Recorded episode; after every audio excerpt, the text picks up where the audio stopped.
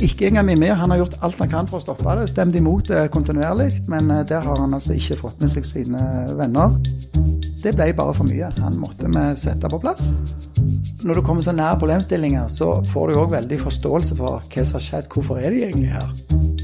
Men hva gjør deg forbanna, da? Ja, det gjorde meg litt forbanna. Bak fasaden med DJ og Rønne. En podkast fra Estate Media. I dag har vi med oss eh, Alfred Ystebø, er eier av Base Property, et av de store eiendomsselskapene i Stavanger. Og Alfred, hva betyr Kvitsøy for deg? Kvitsøy, ja.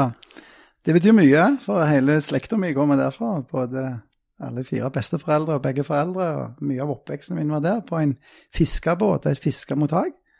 Så da lærte jeg veldig tidlig eh, det å jobbe tidlig. og gå med store båter når vi var altfor små gutter og sånn.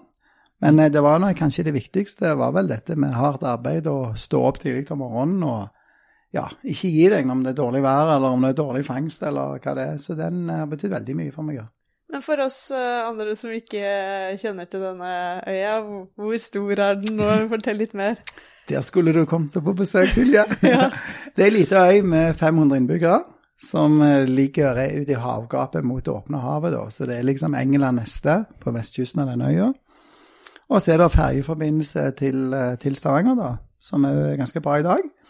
Men nå skal det nye store infrastrukturprosjektet som heter Rogfast, som skal koble Nord-Rogaland med Sør-Rogaland, det skal da stoppe på Kvitsøy med en eget tunnelavløp. Så om ti år ca. så kommer det òg veiforbindelse ut. Var det derfor du ville bygge hotell der? Det var litt av motivet for det, ja. ja. Eh, Kvitsøy vil jo jeg si, som muligens ikke er helt eh, habil her, da, men det er jo noe av den fineste naturen vi har i Norge. På tilsvarende som vi ser gjerne på Helgelandskysten og ytterst i Lofoten. Eh, og jeg tenkte, jeg var jo liten gutt og fikk oppleve dette både på fine sommerdager og harde hverdager. Hvor lenge bodde du der? Jeg bodde der, Mor og de flytta til byen når jeg begynte, når jeg ble født. Eh, for far hadde jobb som fisker da, og ble tømmermann, og mor var da hjemmeværende, som mange av de var. Eh, sånn at eh, oppveksten min var hver helg og hver ferie, sommer, jul, påske, alt på Kvitsøy fram til jeg var rundt 15 år. Mm. Men hvordan var du som barn, egentlig? Hadde du noen sånn tidlige kremmeregenskaper? Nei, hva var vi da? Jeg var veldig aktiv og jobba på disse fiskebåtene da. Eh, og dette fiskemottaket som familien vår hadde på Kvitsøy. Eh, så jeg tror nok jeg var en eh, beskjeden gutt, men som tror jeg jobbet ganske mye. Eh, ja. Er du fortsatt beskjeden? Det har endra seg bitte litt over tid. Det endra seg. Du er, ikke, du er ikke helt Petter Stordalen, som du også nei. har gjort hotell sammen med? Ja, nei da, det tror jeg ingen av oss skal prøve å matche det, da. Nei. Men de gangene vi har opptrådt sammen, så har nok jeg vært Hans Torgeir, for å si det sånn. Jeg prøver å dempe det bitte litt.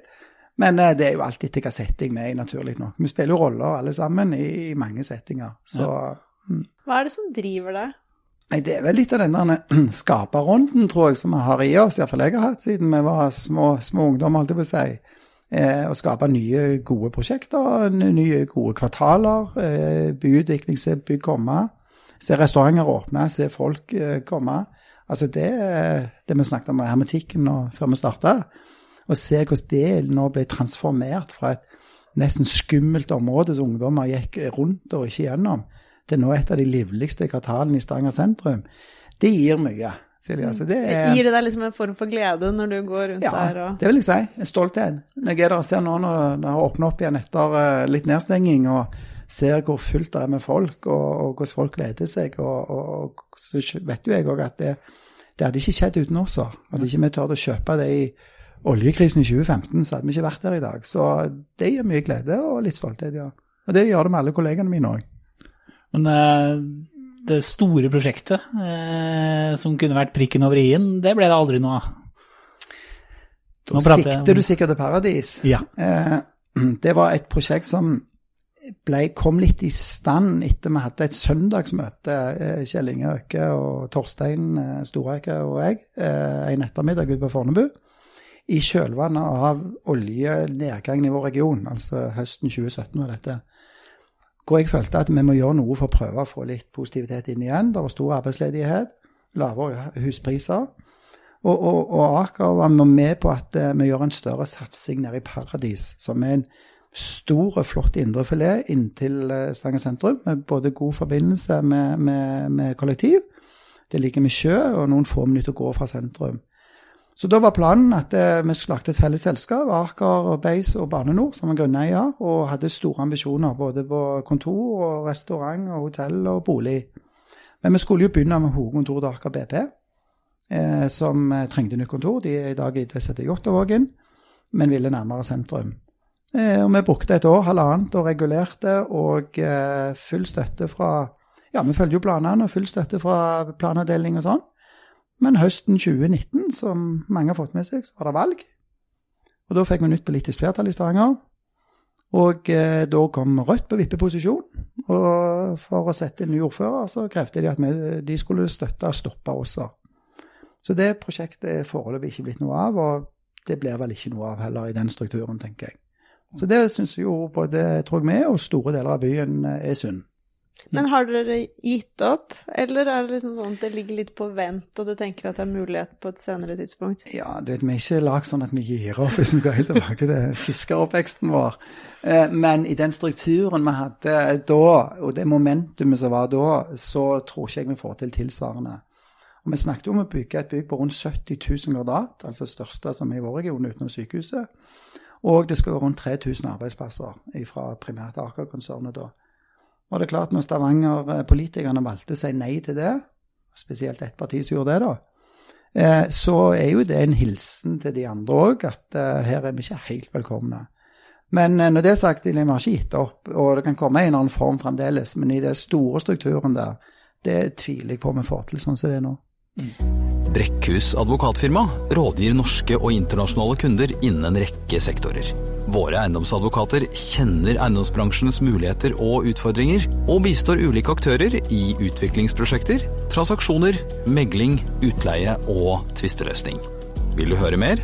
Kontakt oss på post at breikhus.no. Men er Stavanger litt friskmeldt igjen? For det ser ut som aktiviteten er godt på vei tilbake. Ja, det føler vi vel. Og vi driver jo både med Du nevnte Dagen Base Property, men jeg er òg leder i jeg Base Bolig, som er boligutvikler. Ja. Og vi ser jo nå det siste året så har jo det tatt seg godt opp. Så både volum eh, Jeg tror vi har fem-seks prosjekter under bygging nå.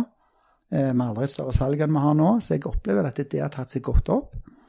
Eh, Når det gjelder næringsmarkedet, så har vi jo et annet stort prosjekt, som er et stort høyhus midt i sentrum som skal byggestart nå 2. august. Eh, nå fikk vi rammetillatelse i går, så nå tror jeg ikke noen som kan stoppe oss lenger. Ikke engang Mimir. Ikke engang Mimir. Han har gjort alt han kan for å stoppe det. Stemt imot det kontinuerlig, men eh, der har han altså ikke fått med seg sine venner i eh, posisjonen. Så der har vi hatt bra politisk flertall nå i fem år. Det har vært seks års reguleringsprosess. Og vi gikk tidlig ut. Jeg kan, hvis jeg kan fortelle historien. Vi gikk tidlig ut. Vi eh, foreslo et, et bygg på 26 etasjer. Eh, det ville ikke Arbeiderpartiet. Eh, Høyre ville, og faktisk flertallet ville, men med én stemmes overvekt. Og da tenkte jeg at det er ikke smart å gå videre med et så stort og viktig prosjekt med én stemme overvekt. Så da lagde vi et kompromiss hvor både Høyre og Arbeiderpartiet var med oss på å gå til 16 etasjer. Og det er det som bygges nå, og de har vært stabile med oss der. Men vi Mimmi har stendig imot hele veien, ja. Men er- det sånn taktikk dere gjør? Å gå ut med veldig høyt eh, Altså dere regner hjem 16 etasjer og tenker det er kjempebra, så går dere ut med eh, 26? Eh, for å si det sånn, ikke normalt. Men i, i, Men denne gangen var det det? Ja, fordi at det var en stor diskusjon i Stavanger om Stavanger skulle ha ett stort høyde... Dette står jo nesten midt på, på hoved, hovedtogstasjonen. sant? Ja. Så Stavanger skulle ha et signalbygg én plass, og var det denne tomta. Det var alle enige om. Og så var det veldig diskusjoner. Skal det være 20 etasjer eller 15, eller skal det være 30? Skal det være sånn som Oslo Plaza, eller skal det ikke? sant? Så, så da gikk vi ut av et arkitektkonkurranse på 26. Men da, på det tidspunktet så tenkte jeg det blir sikkert mellom 20 og 30 en plass. Det trodde mange. Men eh, når Arbeiderpartiet da var veldig opptatt med ikke De ville ha høyhus, og det er veldig positivt. Jeg har bare skrytt et Arbeiderpartiet. Eh, og vi ble enige sammen med Høyre òg. La oss gå til 16. Vi lever fint med det. Høyre ville ha høyere, men Arbeiderpartiet òg kan leve med det. Så alle har vært veldig lojale etterpå. Stem for det kontinuerlig nå, inklusive rammesøknaden nå for en måned siden. Så, så, så sånn sett så har vi fått til det til slutt. Men jeg vil ikke si det alltid sånn. av gang. Du går ut med seks for å ende på fire eller fem. Det er ikke sånn.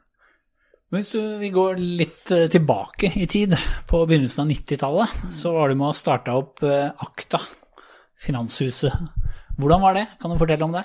Ja, da var jeg eh, 20 år ca. da jeg begynte med han som da heter Fred Ingebrigtsen. Det var han som starta. Jeg var student her i Oslo på det tidspunktet. Og eh, eh, skrev hovedoppgave i Tyskland og kunne begynne med mye rart. Eh, men så hadde jeg fått kjæreste, og hun har blitt gravid hjemme i Stavanger når jeg var 91.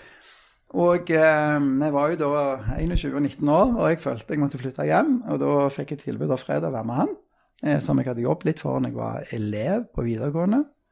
eh, så jeg ikke kjente spesielt godt uten det. Eh, og så valgte jeg å gjøre det.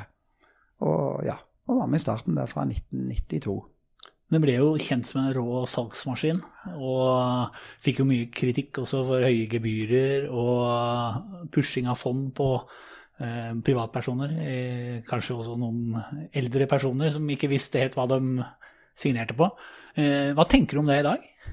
Du, jeg tenker at vi drev, Jeg var med som leder, eller styreleder, styreleder eller leder i 14-15 år. Og det var absolutt perioder så, sånn som du beskriver, og så var det absolutt perioder som ikke var sånn. Okay, ja. I den perioden. Eh, Jeg vil si 90-tallet, for å ta de første ti åra, så tror jeg vi var med oss og introduserte disse utenlandske fondene til Norge generelt, eh, som i dag er blitt sånn allmannseie. Ja. Det var nybrottsarbeid. Eh, fra jeg var 23-24 år begynte å reise rundt og få det til. Men så kom disse strukturerte produktene, og det er der problemet oppsto litt. Eh, eh, med disse, ja, og det var der det var både kritikk til oss, som var absolutt vel fortjent, og til alle bankene som gjorde sannsynligvis enda mer, men slapp litt under radaren. Og vi var også børsnoterte på det tidspunktet, sånn at vi var veldig synlige. Eh, Så, så mye av det gikk nok for langt sånn i ettertid, det er helt riktig. Mens Ja, er- mye annet eh, Vi forvalta jo 10 milliard, nei, 100 milliarder på det tidspunktet. Mens ja. store deler av det andre var veldig bra forvalta. Men er det noe du ville gjort annerledes, sånn sett i ettertid? Å ja, det er alltid det. Ja. altså- Fortok dere noen snarveier? Ja, det- ja, igjen har jeg lyst til å si sånn. Vi var var det med, 40 kontorer i tre land og 550 ansatte. Forvalta 110 milliard. Det er klart det var mye der som ikke burde vært gjort. Men jeg tror nok jeg vil si sånn ettertid at eh, om det er 80% eller 90 av det som forvaltes, var veldig bra. Men det er klart det er de der 10-15% over toppen vi skulle prøvd å unngå. Og det var de som ble liksom veldig ødeleggende, og for ettermælet der. Ja. Eh, Din gamle partner, som du ja. ja. han, han ble jo dømt til en lang fengselsstraff for innsidehandel i, i nettopp Akta-aksjen. Eh, har du noen kontakt med han? Du, jeg har ikke møtt han etter jeg vitna i lagmannsretten siste gang, og det er vel seks-syv år siden. Nei. Men han er Fred, har jeg hørt at det er ute igjen. Han er ferdig med soning. Ja. Og eh, driver litt i venturemiljøer i Stavanger i dag. Jeg har ikke møtt han. Men det er ikke hva jeg ikke vil, det er bare mer tilfeldigheter. Det er ikke noe med det å gjøre. Ja. Han har tatt sin straff og sona den. Det var strengest i Norge. så... Her hører du noen av de 3500 ansatte som jobber i For Service. Menneskene er vår viktigste ressurs og suksessfaktor. Så når For Service er opptatt av bærekraft, handler det også om den sosiale delen menneskene. Gjennom rekruttering, nye arbeidsplasser, kompetanseheving og riktige samarbeidspartnere jobber For Service for å gi muligheter til mennesker. Også de som i dag står utenfor. Alle må starte et sted. Les mer på forservice.no. Og så satsa du på eiendom, og der har du slått deg stort opp. Ja, og der så du en mulighet til å tjene litt penger på asylmottak. Hvordan, eh, ja, hvordan eh, kom du over det? Ja, eh, altså eiendom generelt, det begynte jo helt tilbake i 98 i aktatiden, det. Ja. Vi begynte med de første syndikatene, som i dag er en stor business i Norge. Men vi gjorde noen av de aller første. Eh, så det ble kunnskapen om eiendom kom jo gjennom der. Eh, så starta vi jo Basic 2007, da. Eh, og mye på Forus. Og siden vi bygde både bygde mye, hadde partnerskap inn i litt større bygg, så kom jo denne flyktningkrisen da i 2015, høsten 2015. Og da jobbet vi med dette bygget som da senere ble stort asylmottak. Der jobbet vi sammen med Norwegian Property om å jobbe med en omregulering eh, for å bygge både boliger og kontorer der. Og så fikk vi en telefon uka før avtalen egentlig om hvordan kommune vurderte å starte mottak i sånne store idrettshaller. Noe de egentlig ikke ønsket, for det gikk også utover skolene, så brukte de. Og de tok kontakt med tre-fire-fem utbyggere, vi var en av de. eh, om, om vi kunne stille det, dette bygget og eventuelt andre til disposisjon. Og så var det tre-fire dagers forhandling med UDI. Alt gikk jo superfort. Eh, den helga Jeg var til og med i England og så United slå et eller annet lag den søndagen. Men eh, vi ordnet det, og på mandag-tirsdag så inngikk vi avtale med UDI om å ta ansvar for 1000 flyktninger da, i, eh, i ett år. Og etter det så gikk det jo bare full rulle. Det var jo masse oppstyr i Stavanger rundt det, selvfølgelig, fra naboer. Hadde nabomøte tre dager etterpå med 450 stykker. Det var rimelig sinte både bordfører på meg. Eh, men jeg må jo si sånn ettertid så har det gått veldig bra. Jeg fikk hadde 970 flyktninger på det meste i et kontorbygg. Det er jo helt vanvittig å tenke på. Eh, og så gikk det veldig ned i slutten, da. Eh, og sånn I ettertid så fikk vi skryt ut i at det var i fall det mest veldrevne mottaket i Norge under de kaotiske tilstandene. Så jeg tror jo organisasjonen vår gjorde det veldig riktig. Men tenkte du noe på eh, flyktningene på den tiden, eller var du bare mest opptatt av eh, å få leid ut? Ja, to ting. På den tida hadde vi litt innsyn. Kona mi jobber med mindreårige flyktninger. Jeg har gjort det i mange år før vi drev dette mottaket. Sånn at vi har jo, De har vært med oss på sommerferie og alt sånt, så vi hadde jo godt kjennskap til mye av det. Men det var ikke det som drev det. Jeg tror det som gjorde at vi fikk tilliten hos Stavanger kommune spesielt, da, og Rogaland fylkeskommune samt UDI, det var nok bare evne til å snu oss veldig fort rundt på to-tre dager og skape tillit til at vi klarer faktisk å håndtere dette. Det er jo ingen oppslagsbok du kan begynne i hvor gjør du dette. Eh, Vi fikk politiske vedtak vi trengte på kort varsel og alt dette. Så jeg tror det er mer tillit til organisasjonen vår eh, at vi fikk det til, eh, og handlekraften, enn at jeg hadde jobb med, eller kona mi hadde jobb med mindreårige flyktninger før. Men hva fikk deg til å begynne For du, du har jo begynt å reise til eh, Libanon, til Stemmer. en flyktningleir der. Og hva fikk deg til å gjøre det? Ja, Det, det var mottaket. Ja. Eh, fordi at eh, når vi kom inn i denne problemstillingen, og det var med til historien at eh, det første halvåret spesielt, så måtte jo vi i Base legge vekk alt annet. Fordi at det, det var hele døgnet. Det var en del alvorlige hendelser som skjedde der ute på netter. Uh, Mistanke av voldtekt av små barn. Det var, ja, det var mye alvorlig. Knivstikking og litt forskjellig. Så vi måtte jo rykke ut ofte på netter og dager og drive dette. Ikke bare jeg, men mange i organisasjonen. Og vi var hands on og gikk med gule vester og håndterte dette sammen med politi og andre instanser. Men da, når, du kommer så nær problemstillinger, så får du òg veldig forståelse for hva som har skjedd. Hvorfor er de egentlig her? For det hadde du ikke tidligere. Nei, ikke på samme måten. Nei. Og, og Kristin kona mi jobber egentlig mest med afghanske flyktninger, og her var det jo primært syriske. Så, så vi hadde ikke det. Men det vi gjorde med en gang, vi reiste ned og besøkte den største flyktningleiren i Jordan. Vi hadde drevet mottak en måned bare, bare for å se og lære av FN, da. De driver en eh, som heter Sartari, som ligger nord i Jordan. Og Da fikk vi enda mer innblikk, og så lærte vi litt der. Og så etter en stund så ansatte vi ei som hadde vært nede i Libanon og jobbet i de flyktningleirene som ligger langs Syria-grensen. På dette tidspunktet så var det jo krig, og det var IS langt Ja. ned i Libanon, så det var jo farlig da. Men da begynte vi å reise. Da tenkte jeg dette må vi hjelpe til. Og da så jeg òg at mottaket går med bra pluss. Det visste vi ikke de første månedene, men det ser jeg at vi får et bra overskudd. Og jeg syns det er riktig å gjøre litt tilbake igjen. Det jeg ikke visste på det tidspunktet, det var hvor mye engasjert vi ble sjøl. Så jeg har reist nærmere 20 turer sjøl da, til eh, Syria-grensa fra 2016 fram til pandemien kom i fjor. Men hvorfor har du det? Liksom, hva er det som på en måte fikk deg til å ja, få sympati eller få lyst til å hjelpe disse menneskene? Ja, Det begynte jo der med at vi kjent, ble kjent med de syriske flyktningene på mottaket. Og så fortalte de at det er mye verre i Libanon, eller langs Syria-grensa heter Bekadalen. Og når vi da reiste ned første gang, det var romjulen eh, det året der, og når jeg fikk se de forholdene, så tenkte jeg dette Vi kan liksom ikke reise fra det engang. Hva, Og vi reiste hjem kan du beskrive forholdene for oss som ikke Ja, har Vi kom i et veldig dårlig tidspunkt i desember, hvor det hadde vært eh, sånne store flommer der nede, hvor eh, teltene sto under vann. Alle bodde i sånn møt. Eh, Vi var, eh, så fæle ut sjøl når vi hadde vært på besøk der. Jeg møtte den norske ambassaden første dagen og tenkte hvorfor gjør ikke Norge noe? Og Vi fikk kun beskjed om at, at vi ikke hadde lov å reise der, og Norge kunne ikke hjelpe oss hvis noe skjedde. Og vi tenkte dette vil ikke vi forholde oss til, så vi begynte å snakke med libanesiske myndigheter eh, og jobbet sammen med de nå på alle turene. Så vi starta noe som heter Abri Ei, da, eh, hvor, eh, som finansierer primært av oss da i begynnelsen, og så har noen andre vært med de siste to åra, annet Choice. Eh, og så har vi hatt et organisert opplegg hvor vi har vært der sånn fem til ti ganger i året de tre siste åra. Og da er det faste leirer og, og, og sånn vi jobber med, men det er spesielt barn, da. Hva gjør dere for de barna? Det, det er spesielt å ta operasjoner og medisiner for de som faller utenom FN-systemet. FN tar de mest alvorlige eh, krefttilfeller og sånt. Men så er det mange andre, om det er bein, bombeskader, masse sånne ting. Er du skuffa over norske myndigheter? Jeg var ikke bare skuffa, jeg var nesten sint da jeg var der nede og møtte de første gangen. Der kom jeg, jeg kom rett fra leiren, aldri sett noe sånt før. Jeg var sorpete mm, på beina og kom i samme klær nå, inn på en restaurant og fikk høre at vi gjorde noe vi ikke hadde lov til. altså De kunne ikke hjelpe oss hvis det skjedde noe. Og så rev vi sånn timer før jeg var barn oppi det der. Så tenkte jeg herregud, dette gjør vi på egen hånd. Men Og så begynte vi bare sjøl. men hvordan er det for deg som er en type som tror han kan få til alt? Det er i hvert fall inntrykket mitt nå. Så kommer du inn i en leir og forstår at eh, ja, du kan bidra noe, men du kan faktisk ikke fikse problemene.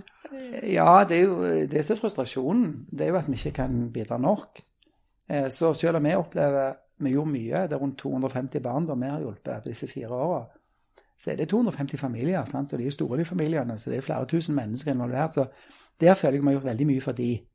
Eh, Men det er jo bare toppen av isfjellet. Så nå når pandemien kom òg Ja, Er det verre der nå? Nei, jeg var litt hel heldig i den forstand. Jeg har ikke fått covid inn i leirene. Ja. eh. Men på annen side så har de blitt stengt inne av militæret der nede. så de har liksom ikke kommet seg ut. Men det er jo for å beskytte dem litt. da. Men siste turen vi hadde, da var det Anders Petter, min kollega, det var i februar i fjor. Han måtte til og med karantene og komme hjem siden han hadde vært der. Eh, og så har vi bare hatt kontakt med dem på telefon og WhatsApp og sånn etterpå. Men planen er å reise til høsten igjen, da, når de vi forhåpentlig er vaksinert og får lov å reise. Men hvordan tilstanden er nå, jeg litt usikker. Og om vi kan bidra like mye nå som vi kunne før, det er jeg òg usikker på. Men vi gikk nok inn med den følelsen som når vi starta mottaket, at vi visste ikke helt hva vi gikk til, men dette skal vi fikse. Men Det var litt sånn. hvordan, har det forandra deg som person, eller har det gjort noe med deg? Setter du mer pris på ting, eller ser du annerledes på livet? Eh, Ja, de, alle ble påvirket av alle situasjoner eh, i livet. sant? Ble påvirket av her med dere òg. Men, men på en annen måte var det. Men vi fikk den nok litt gradvis fordi at vi hadde mottaket og så mye fæle, triste ting der. Hørte mye skjebner. Og så når vi kom opp i leirene og møtte barn og familiene, så det var brutalt de første gangene. Jeg sov ikke når jeg kom hjem og var irritert på alle rundt meg. og Ingen forsto jo liksom alvoret i verden. Eh, så vi lagde nok litt sånn styr rundt oss sjøl i begynnelsen. Men det var litt for å få en sånn wake-up call òg. Eh, og etter hvert så ble det nok litt mer rutine. Jeg minner meg det, altså. Når du er på tur nummer 18 da, og går i de samme leirene, og alle har det like vondt, så du blir på en måte litt herda av sånne ting, egentlig. Du er fortsatt aktiv og skal over nå? Det er planen jo at vi skal reise til høsten med en gang vi får lov, både Lars Petter, meg og ei som heter Sandra, som også har vært med. Så får vi se. Da tar vi en kort pause for å minne om at BN Bank er spesialisten på finansiering av næringseiendom i Oslo-regionen. BN Bank er en rendyrket eiendomsspesialist og kjennetegnes av hurtighet, fleksibilitet og forutsigbarhet. Gode løsninger sikres gjennom medarbeidere med høy kompetanse og sterke relasjoner til kundene. Kontakt BN Bank nå. Stavanger er jo en by hvor eh, alle kjenner alle i næringslivet, har jeg inntrykk av. I hvert fall mange. Eh, Og du endte opp i en rettssak med en tidligere medarbeider eh, i Base. Litt høyt profilert rettssak òg. Fortell litt om det. og er, er du litt sånn krigersk eh, av deg eh, når, eh, når du føler deg litt lurt, eller? Ja, det, det inntrykket var nok det. Men jeg må si at nå har iallfall jeg drevet ganske sånn opp og ned og mye fokusvirksomhet i 30 år pluss, jeg har aldri vært i en rettssak før den, jeg. Så jeg vil si jeg har verken aldri blitt saksøkt eller saksøkt noen, så med unntak av den ene gangen. Og det har ikke skjedd noe etterpå heller, og håper ikke det skjer mer. Så jeg tenker hvis jeg gjennom hele livet i såpass kontroversiell forretning, og være i én sak, så er det ikke så krigersk, tenker jeg. Men uansett, vi var nå i den saken, og det ble bare for mye. Han måtte vi sette på plass. Hvilket ble gjort, og det kom en lang dom på 100 sider som beskrev at det er sånn grensen til lureri vil vi ikke ha. Og så tapte de og måtte betale oss en stor sum. Men vi ville jo helst ha prosjektet, da, men det fikk vi ikke. Men vi fikk en stor erstatning. Men hva gjør deg forbanna, da? Ja, det gjorde meg litt forbanna. Fordi at eh, han det gjelder, da Sånn får du ikke drive. Det var snuskeri, og det var lyging, og det var førerretten bak lyset, som da òg står i dommen. Så alt jeg sier nå, står i dommen, så det er ikke farlig å si det. Eh, hva er det folk misforstår mest med deg? Ja, det- Muligens det spørsmålet som du spurte rett før. er du litt krigersk av deg? Ikke sant? eh, det tror jeg nok fort, fordi at ref disse akta-ting og sånn, så tror jeg nok fort det er litt inntrykk. Eh, men jeg opplever ikke det helt det sånn. Og Nei, jeg må innrømme at du var mye mer trivelig enn jeg hadde trodd. det ser du. Nei, men det er nok litt inntrykk. Og jeg tror den saken gjorde mye. Og, og de tingene dere tok opp makta, tror jeg betyr mye. Eh, så sånn sett så er ikke det overraskende. Men eh, Men er du opptatt av å bli likt? jeg var det mer før. Nå gjør jeg ikke det. Og jeg må si det er mye av det flyktningarbeidet vi har gjort, det har ikke gjort oss så populære i alle leirer, det for å si det mildt. Og det at jeg har noe mer støtte til den arabiske delen enn mange andre har i vår bransje, det gjør oss ikke like populære. Men eh, jeg tror ikke det er så mange andre som har vært og sett og gjort det vi har gjort heller. Så jeg skriver litt på den kontoen at de har gjerne ikke verdens beste forutsetninger. Men, eh, men eh, så jeg er nok ikke så opptatt av det nå lenger. Men det er jo en interessant eh, jeg håper å si, reise du har gjort, fordi du har jo en gang også vært største aksjonær i et av Wall Streets eldste meglerfirmaer. Hva var det? Det er helt riktig. Det var eh, den gangen når, eh, som du Silje beskrev, vi trodde vi kunne gjøre alt her i verden. eh, og det var, det var Jeg skal forklare deg? Det var jo høsten 2007. Altså i for, ett år i forkant av finanskrisen. Da gikk det ganske bra her hjemme i Bakta-ting, og for så det vi gjorde på eiendom. Og eh, jeg var slutta som leder i selskapet to år før, men jeg var bare 5-36 år og følte at jeg ville gjøre noe nytt. Eh, og eh, da begynte vi å, å Eller jeg reiste over til USA. Fikk hjelp av Morgan Stanley til å finne et sånn litt mindre type meglerhus, da. Mm. Eh, som vi kunne investere i. Og det gjorde vi da. Fant det i Memphis, og så i 2007. Og så investerte vi i det. rundt 100 millioner norske kroner.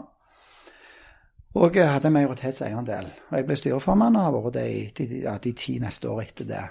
Og det var store oppturer og kjempestore nedturer. Eh, to, tre, fire ganger. Og såpass mye at jeg måtte også reise til USA sånn nesten annenhver uke i et par år der. Eh, sant? På onsdag til fredag, og ofte var en dag om gangen. Så det har vi vært med på. Så det er erfaring, erfaring rikere, men sånn all in all ikke sånn veldig bra butikk til slutt, det vil jeg si. Men du har jo gjort uh, mye forskjellig. Er det sånn at du skal bare roe deg ned med eiendom nå, eller kommer det til å dukke opp noe nytt? Eiendom er så mangt, og det vet jo dere som sitter her. Sånn. Eh, Det med å du, du kan godt leve en rolig tilværelse og, og være i eiendom og gjøre det bra, eh, men hvis du velger vanskelige, komplekse ting, som vi delvis har gjort, da, Ref Paradis du nevner, og dette høyhuset i Stavanger, så er det ganske store, kontroversielle saker, og det er ikke akkurat rolig. Da er det masse leseranlegg og kjeft fra naboer og sånn. Så jeg opplever ikke det har vært rolig, men du kan jo velge eiendom som en rolig tilværelse hvis du vil. Det er bare å unngå de kontroversielle prosjektene, det er å ta de enkle, holdt jeg på å si. Eh, Men vi er ikke helt der ennå, for å si det sånn. Men er vi, nok litt til, for mye energi. kommer vi til å få se deg nå på Østlandet, da? Er det sånn ja, vi, Du har vel uh, hatt noe oppe på Gardermoen? ja, vi har på Gardermoen. Vi har kjempeflotte tomt der på 35 mål eller noe sånt. Så vi vant en avtale nå, skal bygge for politiet nå i høst. Uh, Og vi bygde for Bane NOR på den tomta for to år siden. Så vi har prosjekter her, men ikke veldig mye i forhold til det. er veldig lite egentlig i forhold til det vi har i vår region. Så, så det er nok Stavanger-regionen som vi tror veldig på, og som vi kjenner veldig godt, som er tyngdepunktet vårt, og kommer til å bli det. Men eh, litt her på Østlandet har vi, jo. Tror Oslo-bedriftene på Stavanger? Det har vært en eh, vanskelig jobb de siste to årene, der, spesielt i pandemiåret, å overbevise både investorer, leietakere og store bedrifter på Stavanger. Men det syns jeg går bedre nå enn det gjorde for et år siden. Eh, Jeg har måttet reise ganske mye over midt i pandemien her, når du helst ikke skal reise. Rett og slett for å få lov å selge inn regionen vår. For det klarer du ikke på Teams. Eh, Og Stavanger har nå vært igjennom det siste året med nedgangen med oljeprisen vi fikk da, en fantastisk omstilling. Og nå går det i fornybarhet, nå går det i vindkraft, det går i hydrogenproduksjon, det går i karbonfangst, det går i så mye av det nye som kommer nå. Og den jærske, jeg vil heller bruke den jærske gründerånden, den kommer til sin eh, fulle rett nå. Og den slår selvfølgelig ut i Stavanger òg, i selve byen. Vi har mye av det samme i oss. Eh, Så Stavanger nå er nok inne i en omstilling som ser ut til å gå veldig bra, men som jeg var litt bekymra for for et år siden. Men jeg ser det går bedre nå. Eh, Så eh, Stavanger virker det ble mer og mer opp på radaren for de fleste. Og vi har mange lyse og gode foran oss sånn som det ser ut nå, det må jeg si. Og vi følger dette veldig tett på kroppen. Bak fasaden med DJ og Rønne. En podkast fra Estate Media.